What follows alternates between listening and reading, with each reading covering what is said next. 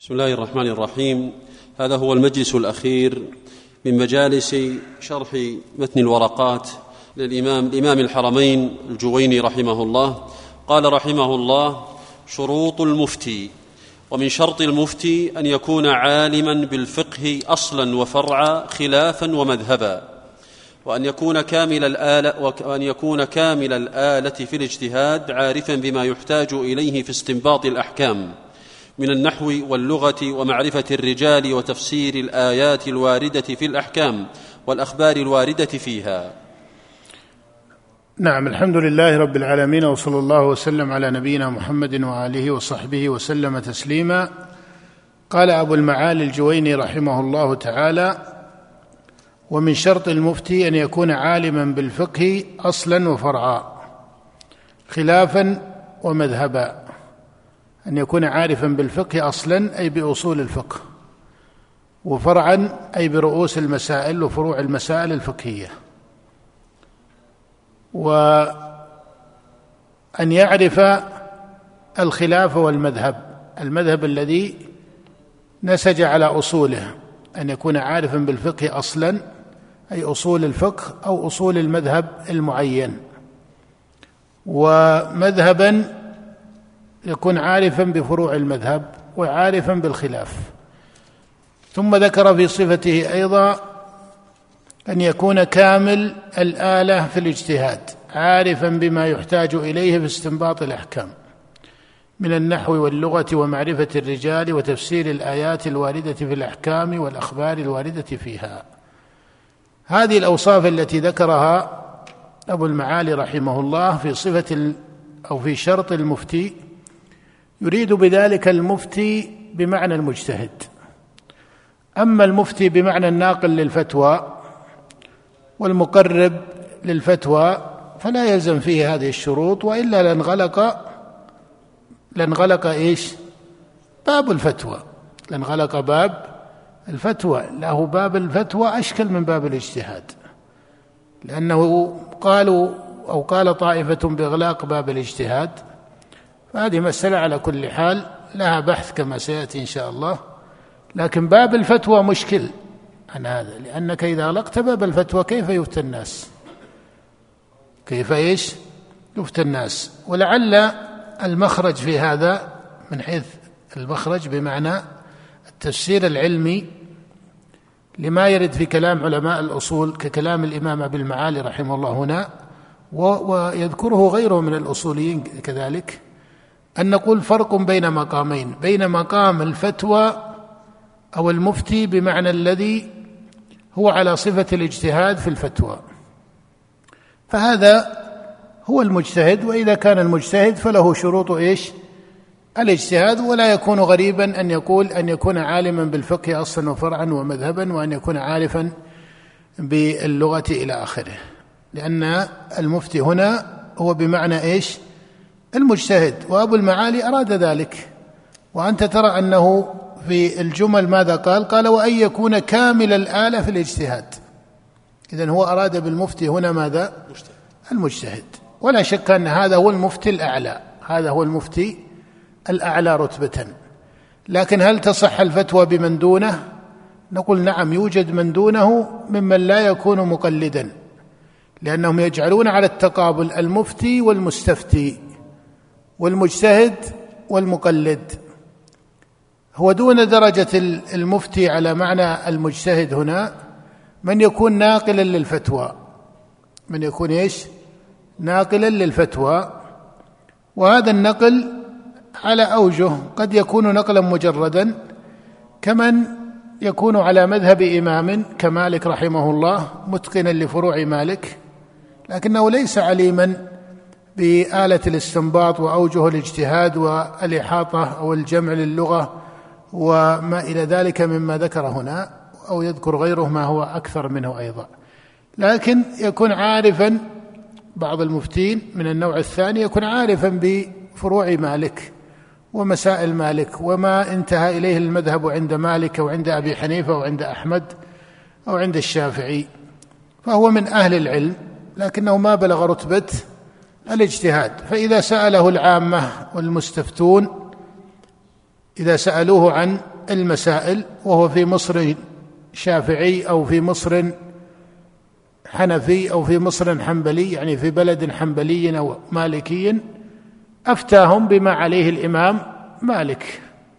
فإذا قالوا له متى يكون سجود السهو قال لهم يكون قبل السلام لأنهم إنما يفتيهم بمذهب الإمام الشافعي وهو شافعي. وذاك الحنفي يقول لهم سجود السهو بعد السلام. وهذا الحنبلي إذا قالوا له قال لهم الأصل فيه أنه قبل السلام إلا ما ثبت عن النبي أنه بعد السلام.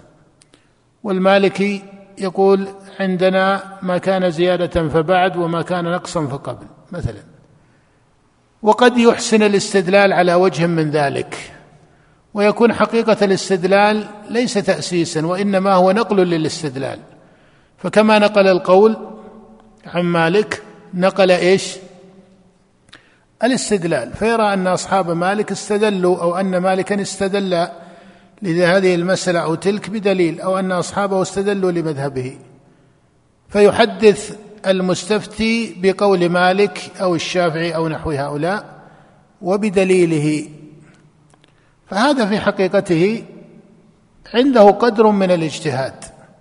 عنده قدر من الاجتهاد من جهة المعنى المجرد للاجتهاد وإن كان لا يتفق والمعنى الخاص الذي يقصد إليه علماء الأصول في تسميتهم المجتهد المطلق فلا ينطبق عليه بهذا التقدير.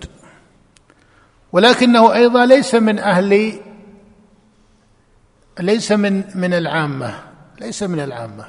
وهذه كما تعلم حال كثير من الناظرين في العلم أليس كذلك؟ فعندهم مادة من الاجتهاد يعرفون بها تمييز المسائل ورد المسائل إلى منازعها وضبط مذاهب أئمتهم أو مذاهب المجتهدين والنقل عنهم ونقل الاستدلال نقلا محكما وتمييز الأوجه. كل هذا لم يصلوا به على ترتيب النظار من الأصوليين أو غير النظار أيضا إلى رتبة المجتهد إيش؟ المطلق. لكن أيضا لا شك أنهم تجاوزوا به رتبة العامة ومقام من رتبة التقليد. فصار لهم تقليد من وجه وصار لهم إيش؟ اجتهاد من وجه. وإذا اعتبرت ما يذكر في بعض كتب الأصول أيضا أو عند طائفة من علماء الأصول وهو قول فيه وجاهة وهو أن الاجتهاد يتجزأ. وهذا هو الظاهر من حال الصحابة رضي الله عنهم أن الاجتهاد يتجزأ والدليل أنهم توقفوا توقف كبار مجتهديهم في بعض المسائل. فدل على أن الاجتهاد يتجزأ لأنه ليس هو نبوة لا بد أن يكون هناك الحكم من النبي صلى الله عليه وسلم فالمجتهد يصيب ويخطئ. فالمقصود أن ما ذكره هنا هو في شرط المفتي بمعنى المجتهد. ويقع وتقع الفتوى ممن دونه ولكن النوع الثاني من الفتوى الذي قلنا إنه يصح حتى لا تتعطل إيش؟ الفتوى. لو قيل إنه لا يفتي إلا من هو من أهل الاجتهاد المطلق الذي كان على قدر الإمام مالك أو قدر الإمام أحمد لتعطلت كثير من الفتوى للمسلمين. أليس كذلك؟ والله جل وعلا قال فاسألوا أهل الذكر. ولكن مع قولنا إن الوجه الثاني سائغ إلا أن من استعمله فصار من أهل الفتوى على الرتبة الثانية يجب أن يكون مدركا أنه مقلد من وجه وإن كان عنده مادة اجتهاد. ولزوم هذا المعنى في نفسه لزوم هذا المعنى في نفسه أن طريقته فيها مادة من التقليد لا ينفك عنها هي التي تلجم النفس التي يكون فيها قدر من سعة الحركة في المسائل. فلا يتوهم هذا الناظر على هذه الرتبة أنه صار من أهل الاجتهاد المطلق. ولهذا تجدون أن كبار المحققين الذين هم ربما يتجه أن يقال هم من أهل الاجتهاد المطلق لكنهم من ناحية أو من وجه آخر التزموا بأصول مذهب. وهذا يرد عليه سؤال هل من التزم من العلماء بأصول مذهب من المذاهب الأربعة يعني أنه تجرد عن رتبة المجتهد المطلق. التنظير المشهور يقول ذلك ولكن هذا فيه نظر. فلا يكون سلوك رتبة الاجتهاد المطلق إلا بترك التمذهب وهذا ليس كذلك. لأنه ومن مثال ذلك مثلا الإمام ابن تيمية رحمه الله له صفة الاجتهاد في بعض المسائل من الشريعة التي أشبه ما تكون بالنوازل التي وقعت. فصار له فيها قول وتحقيق. لكنه فيما جرى عليه وهي الأغلب من المسائل فيما جرى عليه من القول وهي أغلب المسائل إنما هو يفرع عن مذاهب الفقهاء فيعرض له مقام من الاجتهاد المطلق. وإن كان الأصل أنه ماذا؟ وإن كان الأصل أنه نقل عن غيره من أهل العلم لكن هل نقله كان نقلا مجردا؟ أم أنه نقل مجتهد وفيه مادة اجتهاد في الترجيح ونظر الأدلة والدلالات أليس كذلك؟ فهذه مادة من الاجتهاد ولا ينضبط لك المعنى على التحقيق والتطبيق إلا بتقدير إمكان الجمع بين مادة من التقليد ومادة من الاجتهاد في نظر المجتهد واجتهاده وعقله فهو مركب من الاجتهاد ومركب من مادة من التقليد أما أن يتوهم أن الاجتهاد والتقليد بينهما تمانع بحيث أن المجتهد ينفك عن التقليد من كل وجه أو أن المقلد ينفك عن الاجتهاد من كل وجه فهذا فرض من فروض العقل ليس إلا. لكن إذا جئت التطبيق ما من إمام إلا وله سلف. قد قال الإمام أحمد وهو من أئمة الاجتهاد لا تقل في مسألة إلا ولك فيها. إمام لا تقل في مسألة إلا ولك فيها إمام. فهذا على كل حال من المسائل التي لا تضطرد على مطلق التقدير. لكن المقصود أن النوع الثاني من الفتوى يجب أن يكون محاطا بهذا القدر من الحال حال النفس. حتى لا يتقحم المسائل تقحم المجتهدين. ولا يتوهم أيضا أن من أراد الدخول في الاجتهاد المطلق إنما بين يديه أن يتجرد من مذهب معين. فهذا التجرد لا يفيده شيئا في العلم. لا يفيده شيئا في العلم. ولذلك ما ذكروا أنه في شرط المجتهد المطلق ما ذكروا في شرطه وصفته أن لا يكون عارفا بمذهب إمام أو مبني أو أو بنى على أصوله أو نحو ذلك. بل الأصل أنه لا يترقى إلى ذلك إلا إذا اعتبر بهذه المقدمات من قبل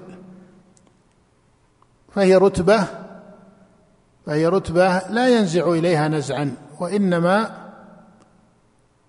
يترقى إليها ترقيا.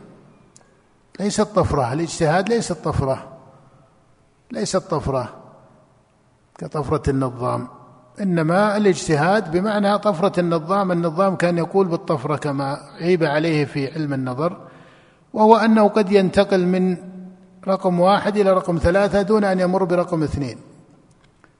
هذه مسألة بعيدة عنا لكن القصد أنه كذلك في الاجتهاد لا توجد طفرة أن الإنسان فجأة يتحول إلى إيش؟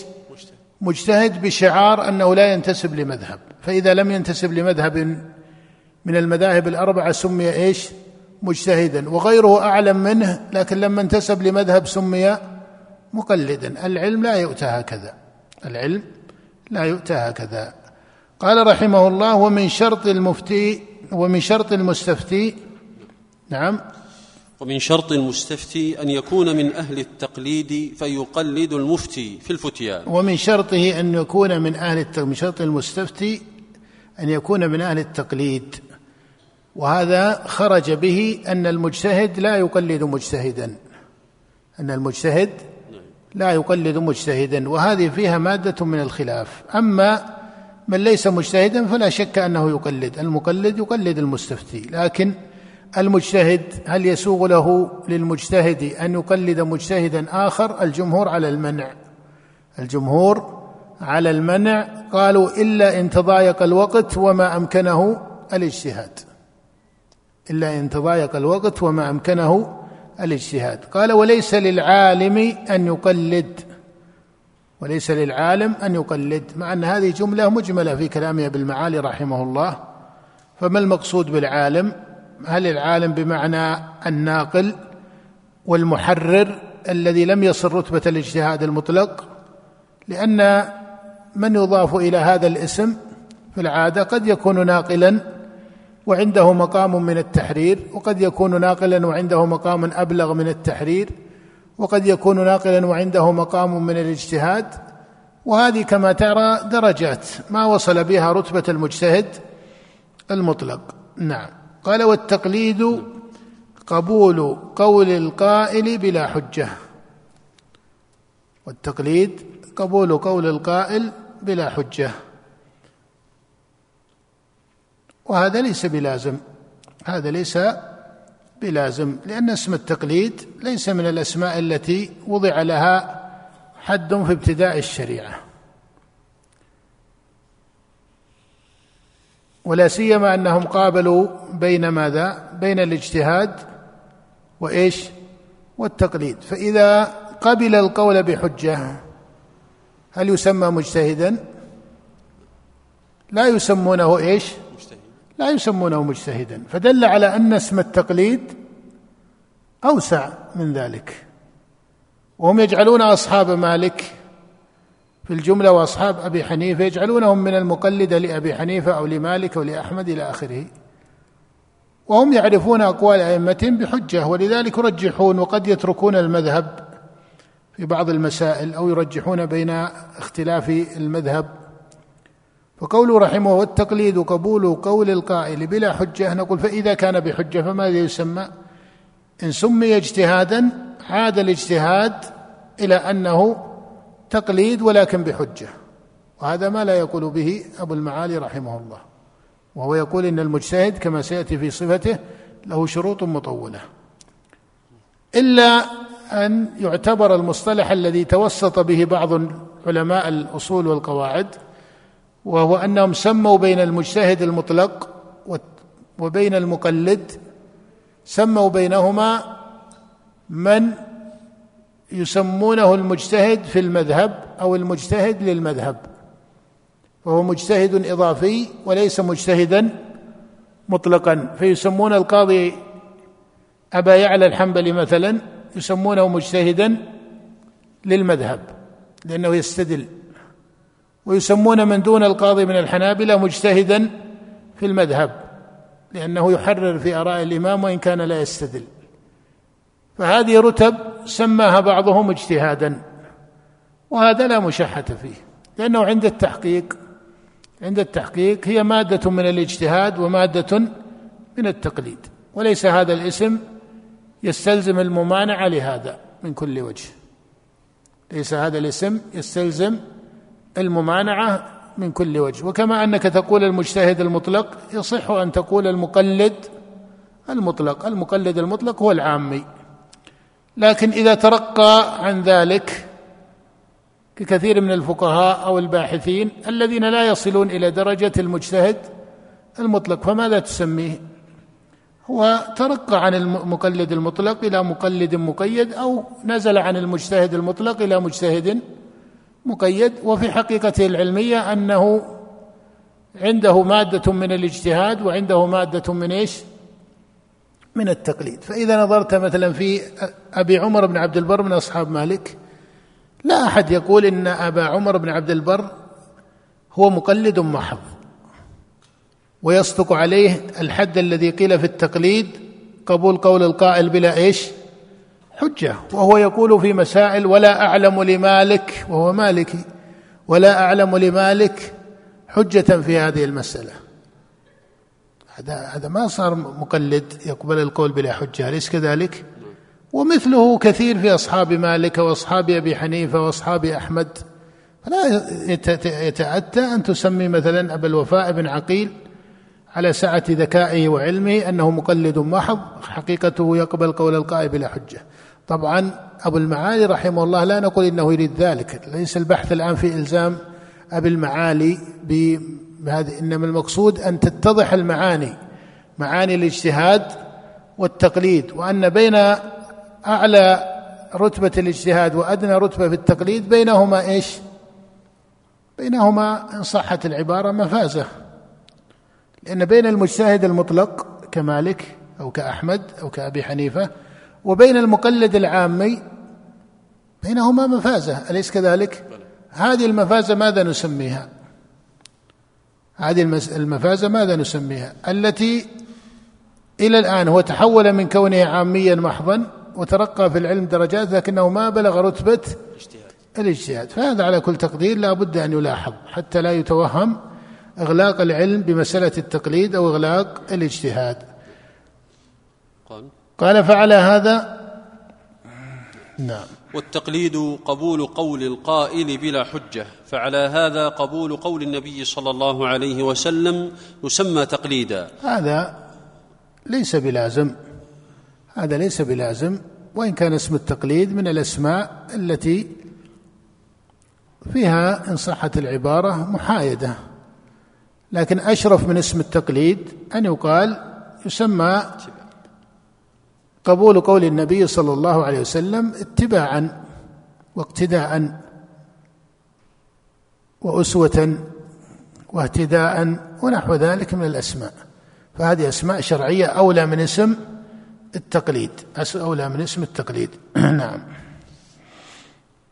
ومنهم من قال وكيف يقال؟ هو متمانع ترى في المنطق. متمانع في المنطق. يقول فعلى هذا قبول قول النبي يسمى تقليدا. لأنه التقليد عنده قبول قول القائل بدون بدون إيش؟ حجة طيب هو قوله حجة أليس كذلك؟ بلى. وإنما قلده لأنه يعلم أنه إيش؟ أنه نبي من عند الله ورسول من عند الله فقوله حجة فما صدق عليه اسم إيش؟ ما صدق عليه اسم التقليد لكن نقول كلمة التقليد في أصلها كلمة محايدة ليست من الكلمات التي تدل على الذم المطلق ولا على المدح المطلق. نعم. ومنهم بخلاف الاقتداء بخلاف الاقتداء فهو اسم شرعي. أولئك الذين هدى الله فبهداه. مقتده. نعم. ومنهم من قال التقليد قبول قبول قول القائل وأنت لا تدري من من من أين من أين قال من أين؟ من أين قاله؟ من نعم، أين قاله؟ هذا وجه. هذا وجه من التقليد هذا وجه من التقليد ولكن ليس هو مادة التقليد مطلقا. نعم. فإن قلنا إن النبي صلى الله عليه وسلم كان يقول بالقياس فيجوز أن يسمى قبول قوله تقليدا. هذا على التقدير الثاني وهذا أيضا لا يصح. لا يصح من جهة التراتيب كما سبق لأنه يقول المقلد قوله قبول القول بلا حجة أو لا تدري من أين قاله. وكلا القولين لا يصدق على النبي عليه الصلاة والسلام. كلا القولين لا يصدق على الرسول عليه الصلاة والسلام. لأنك لا تقول ما لا تدري من أين قاله. ندري من أين قاله. ندري من أين قاله. وما ينطق عن الهوى إن هو إلا وحي يوحى. تقحم بعض النظار الأصوليين رحمهم الله وفرضوا أن النبي يستعمل القياس.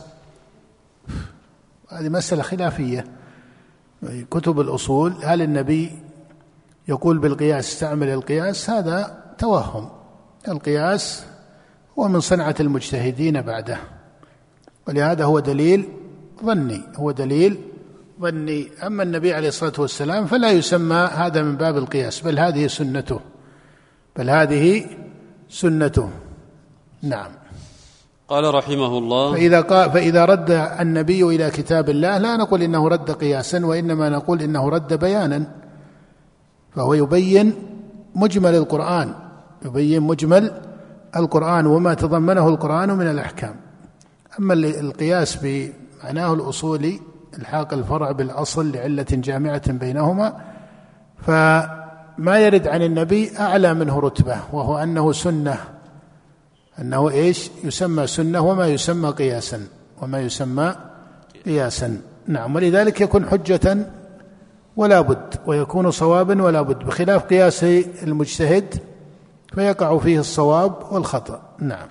قال رحمه الله الاجتهاد. وأما الاجتهاد فهو بذل الوسع في بلوغ الغرض. الاجتهاد الاجتهاد وقال وأما الاجتهاد فهو بذل الوسع في بلوغ الغرض. هذا في اللغة. والاجتهاد من الأسماء الشرعية. كما جاء عن النبي صلى الله عليه وسلم في حديث عمرو بن العاص في الصحيحين إذا حكم الحاكم فاجتهد ثم أصاب فله أجران وإذا حكم فاجتهد فأخطأ فله أجر. فالاجتهاد من الأسماء الشرعية. فالمجتهد أكمل يا شيخ فالمجتهد فالمجتهد إن كان كامل الآلة في الاجتهاد فإن اجتهد في الفروع فأصاب فله أجران وإن اجتهد فيها وأخطأ فله أجر واحد. نعم إذا اجتهد فأصاب فله أجران وإذا اجتهد فأخطأ فله أجر أجران أجر الإصابة وأجر الاجتهاد وإن أخطأ فله أجر واحد وهو أجر الاجتهاد. ولكن أبا المعالي رحمه الله قال إن كان كامل الآلة بمعنى أنه إنما دخل وهو أهل لهذا الدخول. أما إذا تقحم ما ليس له به علم فهو مذموم فهو مذموم. فمن قال بالشريعة بغير علم فهو مذموم ولو أصاب فهو مذموم ولو ولو أصاب. فلو أن أناسا مسافرين سألوا شخصا وهو لا يعرف وسألوه عن حكم من الأحكام فأفتاهم ثم لما رجعوا إلى بلدهم سألوا عالما فقال لهم فعلكم صحيح. لكن ذاك الذي أخبرهم إنما قاله عن اجتهاد وآلية في الاجتهاد أو ليس كذلك؟ فنقول إنه مذموم ولو أصاب. إنه مذموم ولو أصاب لأن الشريعة لا يقال فيها إلا بعلم ولا تكف ما ليس لك به علم. نعم. ومنهم من قال كل مجتهد في الفروع مصيب. هذه مسألة مسألة الأصول والفروع ولكن لها بحوث مطولة. نعم. ولا يجوز أن يقال كل مجتهد في الأصول الكلامية مصيب لأن ذلك يؤدي إلى تصويب أهل الضلالة من النصارى والمجوس والكفار والملحدين. نعم الصواب أن كل مجتهد اجتهد في مسائل الأصول فإن الصواب فيها واحد.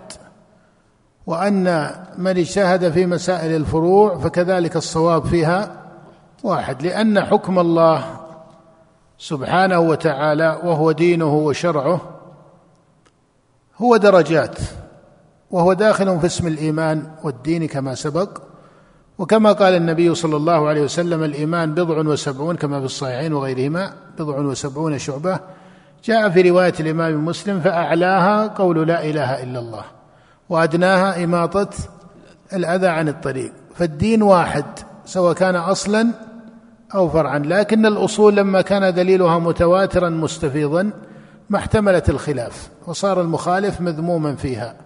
ولما كان كثير من الفروع هو من الأدلة المستنبطة أحكامها من الأدلة المستنبطة اتسع فيها الخلاف وجاء فيها أنه إن اجتهد فأخطأ فله أجر لأنها يعرض فيها بعض التردد من جهة الأدلة المستنبطة التي يمكن إجمالها بأنه إما ظني في الدلالة أو ظني في الثبوت. إنما الراجح أن كل مجتهد في الفروع مصيب ليس كذلك. إنما الاجتهاد المصيب في الدين واحد سواء كان أصلا أو فرعا. لكن في الفرع لا يعلم ولا يقطع من المصيب. لأن الدليل إيش؟ لأن الدليل ماذا؟ يحتمل وعن هذا قال الإمام الشافعي قولي صواب يحتمل الخطأ. هذا الاحتمال وارد على كل أقوال الفقهاء في الجملة إلا في مسائل نزر استفاضت فيها السنة خفيت على فقيه. فهذه ليست هي الغالب على المسائل هذه جملة قليلة من المسائل لكن أغلب مسائل الفروع المختلف فيها الراجح فيها يسمى راجحا ولا يقال صوابا إنما إن سمي صوابا فهو تجوز وهو راجح ومحتمل القول ويحتمل أن يكون الصواب في القول الراجح في, في القول الآخر أو في القول الراجح. يحتمل في هذا ويحتمل في هذا. وأما في مسائل أصول الدين فإن هكذلك من باب أولى المصيب فيها واحد لكن ذم المخالف فيها لاستفاضة الأدلة. لاستفاضة الأدلة. فالمخالف يقع في مادة من التقصير في الجملة. في مادة من التقصير في الجملة ولا سيما إذا انتظم ذلك.